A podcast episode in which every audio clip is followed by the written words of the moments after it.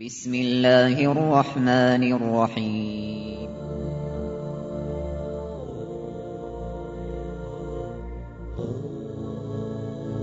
الرحمن العزيز الرحيم القوي السلام الكريم العظيم البصير العليم الحكيم الجبار.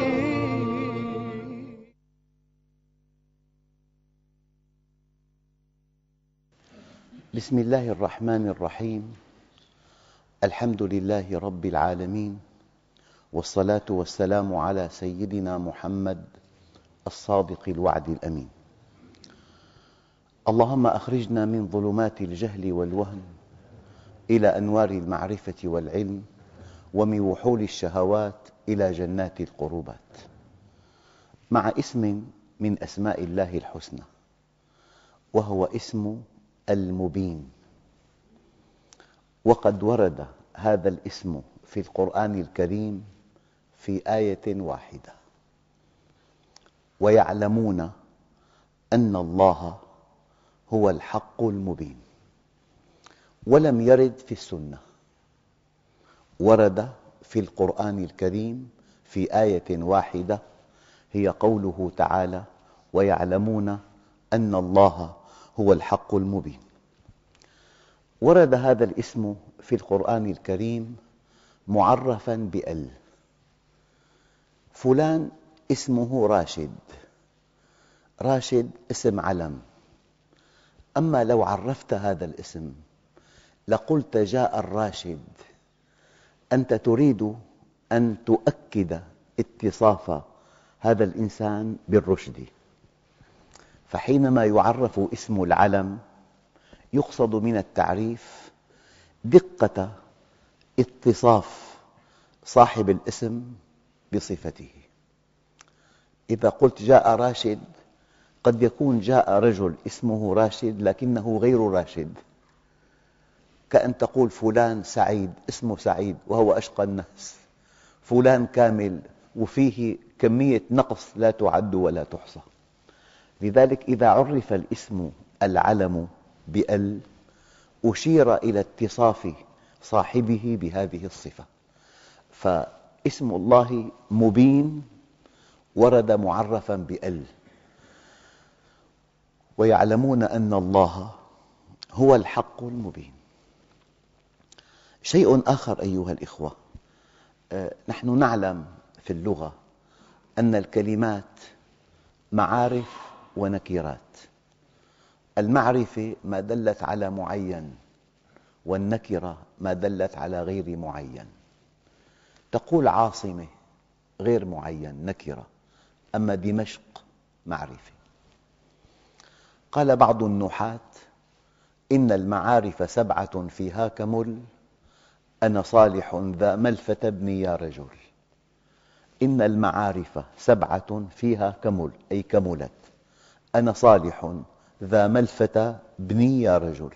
الضمير معرفة اسم العلم معرفة اسم الإشارة معرفة اسم الموصول معرفة المعرف بأل معرفة المضاف معرفة المنادى معرفة. إن المعارف سبعة فيها كمل أنا صالح ذا ملفة ابني يا رجل. هذا الاسم يفيد المدح والثناء. والعبد عبد والرب رب. شأن العبد الافتقار وشأن الرب المدح والثناء. لكن لو أن غنياً تواضع وقال لمن يسأله عطاء أنا لا أملك شيء. ليس هذا المقام مقام تواضع مقام أن تظهر له أنك يمكن أن تساعده. فشأن الله عز وجل المدح والثناء وشأن العبد الافتقار. وفي بحياة الناس درسان بليغان الدرس الأول درس بدر والدرس الثاني درس حنين. النبي عليه الصلاة والسلام مع أنه سيد الخلق وحبيب الحق وهو قمة البشر وقد اختاره الله واختار له أصحابه. قال إن الله اختارني واختار لي أصحابي. أصحابه والنبي على رأسهم في بدر افتقروا إلى الله عز وجل. فقال تعالى ولقد نصركم الله ببدر وأنتم أذلة. النبي نفسه وهو في أعلى درجات القرب والافتقار إلى الله. لكن أصحابه في حنين قالوا لن نغلب من قلة. فتخلى الله عنهم. قال تعالى ويوم حنين إذ أعجبتكم كثرتكم فلم تغن عنكم شيئا وضاقت عليكم الأرض بما رحبت ثم وليتم مدبرين. درسا بدر وحنين يحتاجهما المؤمن كل يوم بل في كل ساعة. فإذا قلت أنا تخلى الله عنك. وإذا قلت الله تولاك. قل أنا ابن فلان يتخلى الله عنك. قل أنا عندي خبرات متراكمة يتخلى الله عنك. قل أنا عندي تجربة غنية في هذا الموضوع. قل أنا أعلم من حولي يتخلى الله عنك. إياك أن تقول أنا. قالها إبليس أنا خير منه فأهلكه الله. وقالها قوم بلقيس نحن أولو قوة وأولو بأس شديد فأهلكهم الله. وقالها قارون إنما أوتيته على علم عندي فخسف الله به الأرض. وقال فرعون أليس لي ملك مصر؟ فدمره الله. أنا ونحن ولي وعندي كلمات مهلكات. فإذا قلت أنا تخلى الله عنك. وإذا قلت الله تولاك. ونحن جميعا بحاجة ماسة لهذين الدرسين في كل ساعة من حياتنا. طبيب جراح في بلد عربي متفوق طبيب نسائي جراح. له زميل طبيب من المستوى نفسه. له زوجة في بحملة إشكال. فذهب إليه واتفق أن تكون الولادة عنده. ثم سأله زميله هل ترى أن نسأل طبيبا آخر؟ قال أنا أعلم من في هذه المدينة بهذا الاختصاص بكل كبر. القصة طويلة بس مغزاها. أن هذا الطبيب ارتكب خطأ فادح جدا لا يرتكبه ممرض. الأمر الذي وجب على القائمين على شؤون الصحة أن يسحبوا منه الشهادة لأول مرة في تاريخ هذا البلد العربي بعد النهضة والاستقلال. سحبت شهادته. لا تقل أنا. لا تقل ليس هناك من هو أعلم مني. وفوق كل ذي علم عليم. شاب ناشئ ألقى درسا فتحلق الناس حوله والتف الناس حوله وأحبوه. رجل آخر من أهل العلم آلمه هذا الإقبال على هذا الشاب فجاء إليه وأراد أن يصغره. حضر درسه فلما انتهى الدرس سأل هذا الفتى. قال له يا هذا هذا الذي قلته ما سمعناه تصغيرا له. فالفتى مؤدب جدا. قال يا سيدي وهل تعلمت العلم كله؟ فإذا قال نعم فقد خالف قوله تعالى وما أوتيتم من العلم إلا قليلا. قال لا. قال كم تعلمت منه؟ قال شطره. قال يا سيدي هذا الذي قلته من الشطر الذي لا تعرفه. فإياك أن تقول أنا قل بفضل الله. الله مكنني أن أنال هذه الشهادة. الله مكنني أن أتقن هذه الحرفة. الله مكنني أن ألقي هذه الكلمة. الله مكنني أن تنجح هذه العملية. أعرف طبيبا جراحا عصبيا. المريض على الطاولة يصلي أمامه ركعتين ويقول يا رب ألهمني الصواب. أنا مفتقر إليك. وعود نفسك في كل عمل تقدم عليه أن تقول اللهم إني تبرأت من حولي وقوتي والتجأت إلى حولك وقوتك يا ذا القوة المتين. شأن العبد أن يفتقر وشأن الرب أن تثني عليه وأن تمدحه كي نطمع بفضله وكي نقبل عليه وكي نلجأ إليه وكي نعتمد عليه. أيها الأخوة لكن بالمناسبة إذا مدح المؤمن ربى الإيمان في قلبه. في إنسان من طبيعته لا يظهر من حوله إطلاقا. تعتيم شديد على من حوله وتسليط للإضاءة شديد على شخصه. هو يكبر ومن حوله يصغرون. ليس هذا من شأن النبي عليه الصلاة والسلام. لو كان نبي بعدي لكان عمر. أثنى على عمر. سيدنا الصديق ما ساءني قط. ما طلعت شمس على رجل بعد نبي أفضل من أبي بكر. سيدنا ابن الجراح أمين هذه الأمة. كل صحابي أعطاه النبي حقه. هذه بطولة أن تظهر من حولك لا أن تعتم على من حولك. فلذلك أيها الأخوة إذا مدح المؤمن ربى الإيمان في قلبه والمؤمن الصادق إذا مدح والله يزداد تواضعا لله يزداد محبة له يقول يا رب إني تبرأت من حولي وقوتي والتجأت إلى حولك وقوتك يا ذا القوة المتين. يا رب هذا فضلك يا رب هذا توفيقك يا رب هذا من عندك يا رب هذا من تأييدك فلذلك المؤمن الصادق إذا مدح ربى الإيمان في قلبه. أما هناك أشخاص إذا مدحتهم يصدقون ويستعلون ويتغطرسون ويعانون من أمراض نفسية كانوا في غنى عنها. إذا أنت أيها الأخ المؤمن كن حكيما. إذا كان مدحك يسوق الإنسان إلى الكبر إياك أن تمدحه. لذلك ورد أيضا المداحون أحثوا في وجوههم التراب. ورد نهي عن المديح ورد ثناء على المديح. هذا بحسب حال الممدوح. فإذا كان مؤمنا ربى الإيمان في قلبه. وإن كان غير مؤمن ازداد كبرا وغطرسة واستعلاء. أيها الأخوة قضية التولي والتخلي أخطر شيء في حياتنا. قل الله. حقيقة المؤمن أن يأخذ بالأسباب وكأنها كل شيء ثم يتوكل على الله وكأنها ليست بشيء.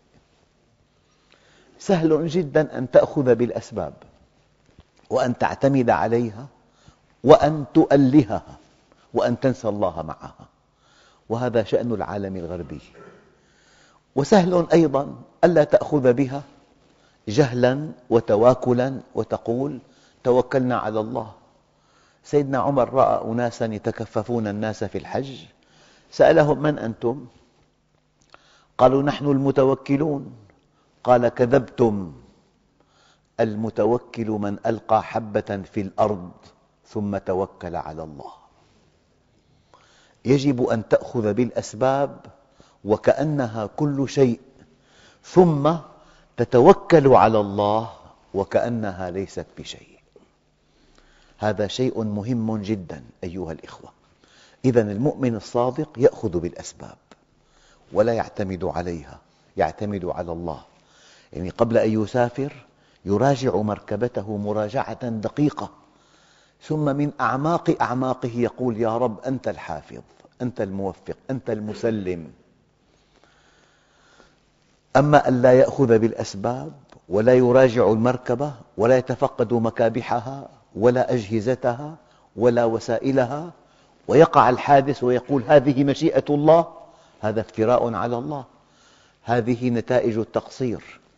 ويوم يفهم المسلمون أن الأخذ بالأسباب من الدين بل هو من صلب الدين لما كانوا فيما هم فيه الآن من ضعف. لكن العالم الغربي وقع في متاهة أخرى. أخذ بالأسباب واعتمد عليها ونسي الله وتغطرس فأدبه الله عز وجل. يؤدب الإنسان مرتين. مرة إذا أخذ بالأسباب واعتمد عليها وأشرك مع الله ونسي ربه ومرة إن لم يأخذ بها في الحالتين يؤدب. لذلك البطولة أن تأخذ بالأسباب وكأنها كل شيء ثم تتوكل على الله وكأنها ليست بشيء. أيها الإخوة الكون كما تعلمون مسخر تسخير تعريف وتكريم. تسخير تعريف وتكريم.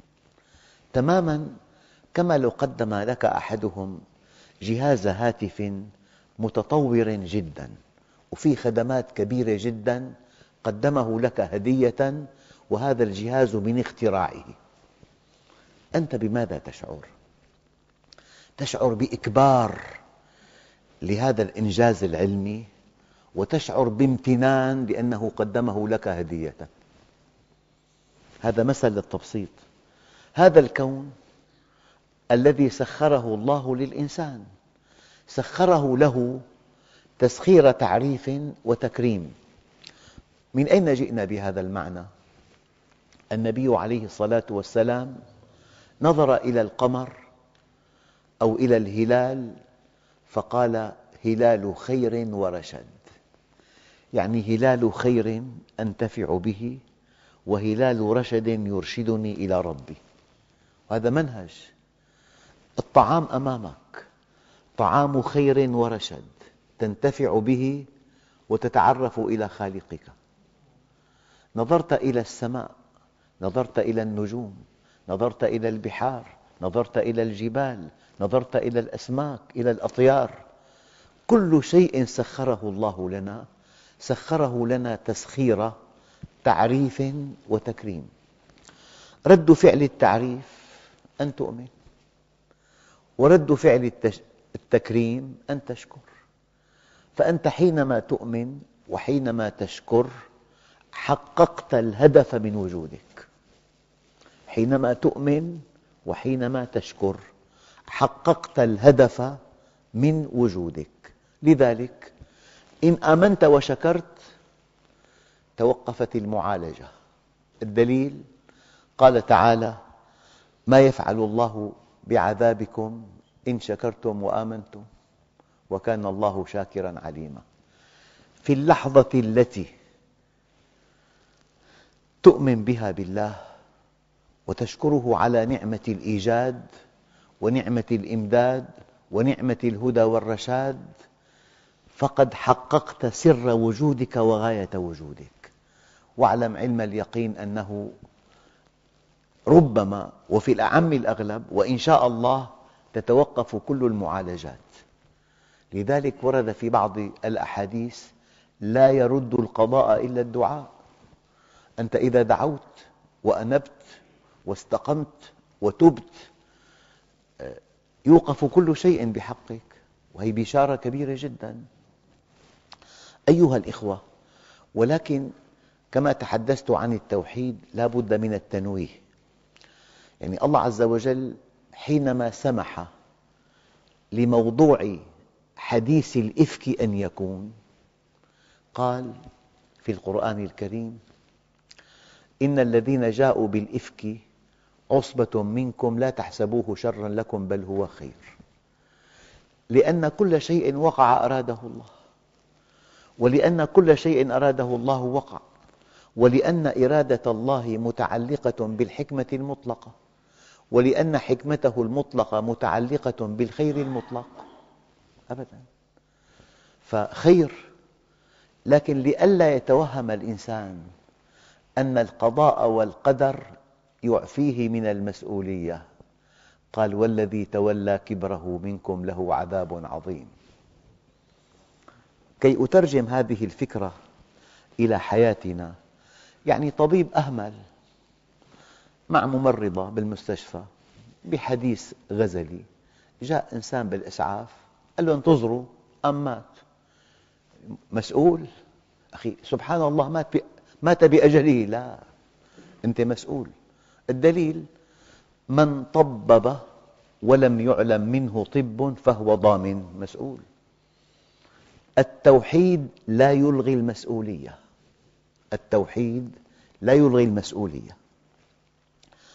أيها الإخوة المبين اسم فاعل في المشتقات. نحن لغتنا لغة اشتقاق وهي من أرقى اللغات الإنسانية. المبين اسم فاعل. نحن في لغتنا اللغة أسر. في أسرة جدها بان فيها اسم فاعل بائن. فيها فعل رباعي أبان فيها اسم فاعل رباعي مبين في بينونة في أب في يبين في عندنا فعل ماضي فعل مضارع فعل أمر اسم فاعل اسم مفعول صفة مشبهة باسم الفاعل اسم تفضيل اسم مكان اسم زمان اسم آلة. لغتنا من أرقى اللغات. ويكفي أن الله سبحانه وتعالى اختارها لكلامه بلسان عربي مبين. وفي باللغة لقطات مذهلة. اللغة العربية تتسع اتساعا مذهلا. يعني في كلمة نظر في حدج حدج نظر مع المحبة. وفي الحديث الشريف حدث القوم ما حدجوك بأبصارهم. في نظر شزرا مع الاحتقار. في شخص مع الخوف. في حدج في بحلق مع التحديق في حملق ظهر حملاق العين في استشرف مع التمطي في استشف مع اللمس في لمح نظر وأعرض في لاح ظهر واختفى في رنى مع السرور. العربية من أرقى اللغات الإنسانية لكن اللغة تضعف بضعف أهلها وتقوى بقوتهم. يعني في العربية مثلا كتب وفي مكتب وفي كتابة وفي كتاب من أسرة واحدة. باللغة الإنجليزية write book table. كل كلمة من اشتقاق. نحن كتب يكتب كاتب مكتوب مكتب كتاب. شايف النظام الأسري؟ فلذلك المبين اسم فاعل من أبان أظهر. أما بائن من بان فعل لازم. بان اسم فاعلها بائن. أما أبان اسم فاعلها مبين. الآن بانت المرأة انفصلت عن زوجها. وفي الطلاق الثالث تكون البينونة الكبرى. في الطلاق الثالث. شيء آخر المبين الواضح. وألقى عصاه فإذا هي ثعبان مبين. السحرة جاءوا بأنابيب وطلوها على شكل ثعبان وضعوا فيها زئبق وضعوها على مكان ساخن. تمدد الزئبق تحركت هذه الأنابيب المطاطية. فلما ألقى موسى عصاه فإذا هي ثعبان مبين. فوقع السحرة ساجدين. قالوا آمنا برب العالمين رب موسى وهارون. قال آمنتم له قبل أن آذن لكم؟ لأقطعن أيديكم وأرجلكم من خلاف ولأصلبنكم في جذوع النخل ولتعلمن أينا أشد عذابا وأبقى. قالوا لن نؤثرك على ما جاءنا من البينات والذي فطرنا فاقض ما أنت قاض.